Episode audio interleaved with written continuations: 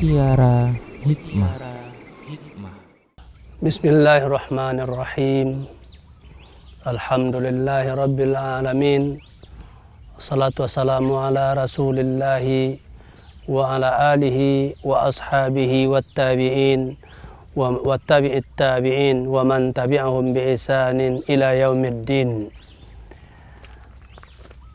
Kepada para pemirsa Rasat TV yang kami cintai karena Allah. Kembali di kali ini kita bertemu dalam program Mutiara Hikmah dengan serial Ibadur Rahman di mana salah satu karakter Ibadur Rahman adalah sikap pertengahan di dalam membelanjakan harta. Dalam episode kali ini kita akan menyampaikan terkait dengan bagaimana cara yang bijak di dalam mengelola dan membelanjakan harta.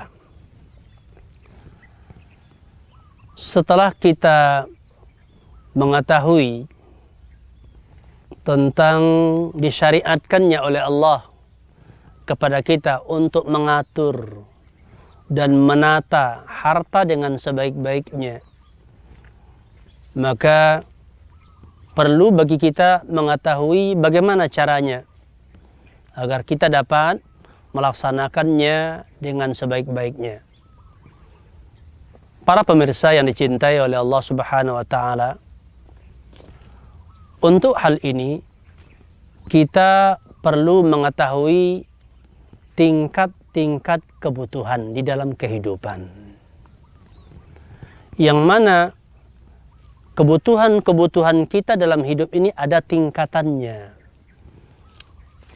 Para ulama memberikan penjelasan kepada kita ada tingkat, ada tiga tingkat kebutuhan di dalam hidup yang pertama yang disebut dengan kebutuhan yang daruri. Yang bersifat daruri. Yaitu sesuatu yang harus. Yang kalau tidak terpenuhi, maka kita akan mengalami yaitu bencana. Akan mengalami penderitaan. Yang kedua adalah kebutuhan yang disebut dengan hajiah yang dia merupakan pelengkap. Tidak sifatnya daruri. Kalau dia ada maka itu akan membuat kita menjadi nyaman. Dan kalau tidak ada pun tidak akan menjatuhkan kita kepada kebinasaan. Yang ketiga, kebutuhan yang disebut dengan tahsiniyah yaitu untuk kesenangan sebagai perhiasan hidup di dunia. Nah, tiga kebutuhan ini perlu kita ketahui dan agar kita bisa menata kemampuan kita agar kita bisa menggunakan apa yang kita miliki sesuai dengan mana-mana yang lebih diutamakan. Maka oleh sebab itu, setiap kita itu mesti bisa mengatur pengeluaran atau perbelanjaan dengan membaca dan mengukur kemampuan. Allah Subhanahu wa taala berfirman di surah At-Talaq ayat 7. Liyumfik dzu sa'atin min sa'atihi wa man qudira alaihi rizquhu falyumfik mimma atahullah la yukallifullahu nafsan illa ma ataha saya ja'alullah ba'da usrin yusra hendaknya orang-orang yang memiliki kelapangan harta memberikan nafkah kepada orang-orang yang berhak mendapatkannya sesuai dengan tingkat kelapangan harta yang dia miliki. Dan orang-orang yang disempitkan oleh Allah hartanya, maka hendaklah dia menafkahkan hartanya sesuai dengan apa yang Allah berikan kepadanya. Allah tidak memberatkan dan tidak membebani seseorang kecuali berdasarkan apa yang Allah berikan kepadanya. Dan Allah akan menjadikan setelah kesulitan yaitu kemudahan. Pelajaran-pelajaran berharga dari ayat ini terkait mengelola keuangan, mengelola harta yang dimiliki. Bahwasanya dari harta yang Allah berikan kepada kita, maka yang pertama sekali yang kita yaitu uh, gunakan harta kepadanya adalah kebutuhan-kebutuhan yang bersifat daruri, yaitu yang tidak boleh tidak yang kalau seandainya itu kita abaikan, kita akan mengalami berbagai kesulitan, bahkan mungkin jatuh kepada bencana. Dan ini adalah termasuk di dalamnya, yaitu segala apa-apa yang Allah wajibkan kepada kita sesuai dengan harta yang Allah berikan kepada kita. Seperti umpamanya menafkahi keluarga, anak istri, menafkahi diri sendiri, kerabat, dan lain-lainnya. Ya. Di dalam batas-batas yang wajib, maka inilah yang diutamakan.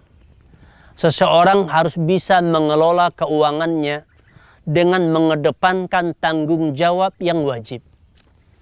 Jangan dia melirik kepada perkara-perkara kesenangan yang sifatnya tidak utama sebelum dia bisa menyelesaikan perkara-perkara yang bersifat daruri. Karena seandainya dia membelanjakan hartanya kepada hal-hal yang bersifat kesenangan semata, apalagi perhiasan hidup, dan kemudian akibatnya terabaikan, yaitu kebutuhan-kebutuhan yang daruri, seperti kebutuhan keluarganya, anak dan istrinya, atau kewajiban dalam beribadah, maka orang ini adalah orang yang tertipu. Maka oleh sebab itu, seseorang harus mampu menata dan mengatur pengeluaran sesuai dengan kemampuan. Jangan dia menetapkan pengeluaran tanpa menghitung kemampuan. Karena sering terjadi seseorang mengatakan saya harus mengeluarkan sekian satu bulan sehingga dia paksakan harus mendapatkan berapa angka yang harus dia keluarkan. Kadang-kadang menjatuhkan dirinya kepada perkara kebinasaan, melakukan cara-cara yang haram dalam mendapatkan harta karena seolah-olah dipaksa oleh kebutuhan, apalagi pada masa-masa sekarang ini. Orang merasa kebutuhan jauh lebih besar daripada kemampuannya. Ini adalah salah kelola di dalam masalah yaitu harta dan keuangan. Di antara perkara-perkara yang wajib seperti adalah makan, minum untuk diri sendiri dan bagi orang yang berkeluarga, anak dan istrinya, kerabat yang ada bersamanya, kemudian kebutuhan pakaian untuk menutup aurat, kebutuhan tempat tinggal untuk menjaga kehormatan. Ini adalah kebutuhan-kebutuhan yang sifatnya mendesak. Dan satu hal juga yang tak bisa diabaikan terkait dengan kebutuhan daruri, apalagi pada masa sekarang inilah terkait pendidikan keluarga, pendidikan anak dan istri. Di mana pendidikan khususnya pada masa sekarang ini menuntut biaya, bahkan biaya yang besar.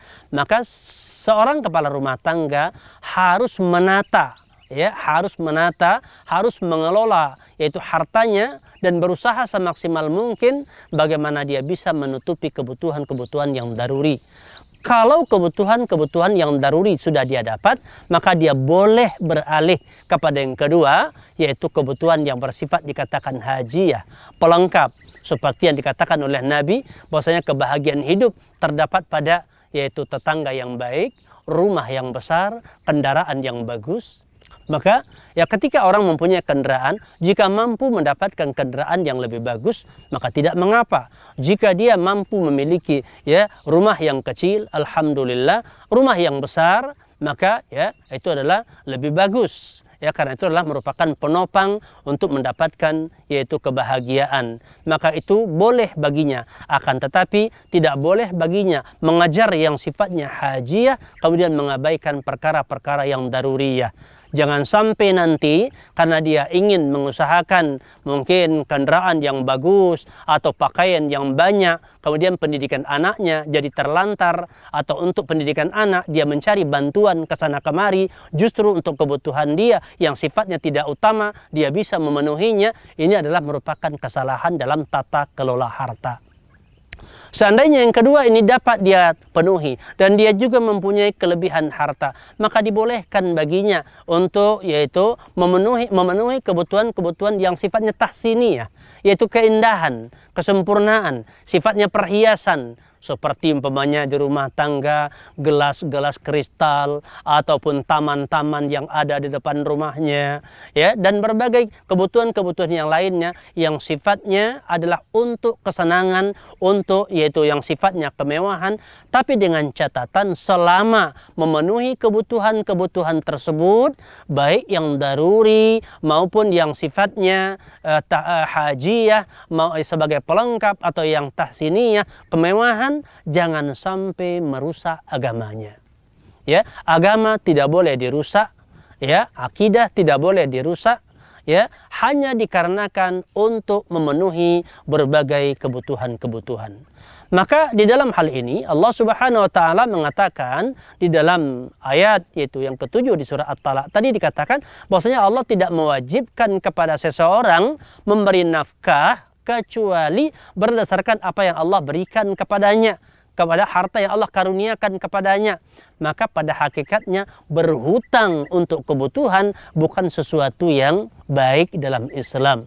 Karena orang yang berhutang dia harus mencatat hutangnya dari orang yang berhutang dan menentukan saat bayar dan dia harus mampu membayar. Maka bagi orang yang tidak mampu untuk membayar hutang tidak sebaiknya dia berhutang lebih baik bahkan bagi dia meminta kepada saudaranya sebatas kebutuhan daruratnya, sebatas yang darurat baginya daripada memiliki kebiasaan berhutang padahal dia tidak melihat yaitu kemampuan untuk membayar. Sering orang berhutang tak tahu dari mana akan dia bayarkan dan kapan dia akan membayarnya. Sehingga terkadang orang sampai berusaha mengalah ya, bertemu daripada orang-orang yang menghutanginya karena menjaga apa namanya rasa malunya dan inilah merupakan pengelolaan yang keliru. Oleh sebab itu sering saya ingatkan hendaknya kita lebih utama mengatur yaitu pengeluaran daripada mengatur pemasukan. Karena ada orang yang memaksakan mengatur masuk harus demikian sekian dikarenakan kebutuhan yang besar. Ini adalah akan menyusahkan diri sendiri. Maka cara yang tepat bagi kita adalah bisa mengatur tingkat-tingkat kebutuhan, mengetahui tingkat-tingkat kebutuhan yang mengutamakan mana yang lebih utama yaitu aham bil aham mana yang penting lebih didahulukan. Kemudian yang setelahnya kemudian yang setelahnya jika Allah memberikan kelapangan kepada kita. Jika seseorang mampu mengelola harta dengan cara seperti ini maka harta bisa membawa dia kepada kebahagiaan. Jika tidak bisa menimbulkan kesusahan baginya rasa kesempitan baginya apalagi di masa-masa pandemi sekarang ini di mana kita sangat terbatas dalam berusaha agar mampu kita menata dengan baik Mudah-mudahan nasihat pendek ini berguna bagi diri saya pribadi dan kepada pemirsa Rasa TV sekalian. Akhirul kalam wabillahi taufiq wal hidayah wa sallallahu wa sallam ala nabiyina Muhammadin wa ala alihi wa ashabi ajmain walhamdulillahi rabbil alamin. Assalamualaikum warahmatullahi wabarakatuh.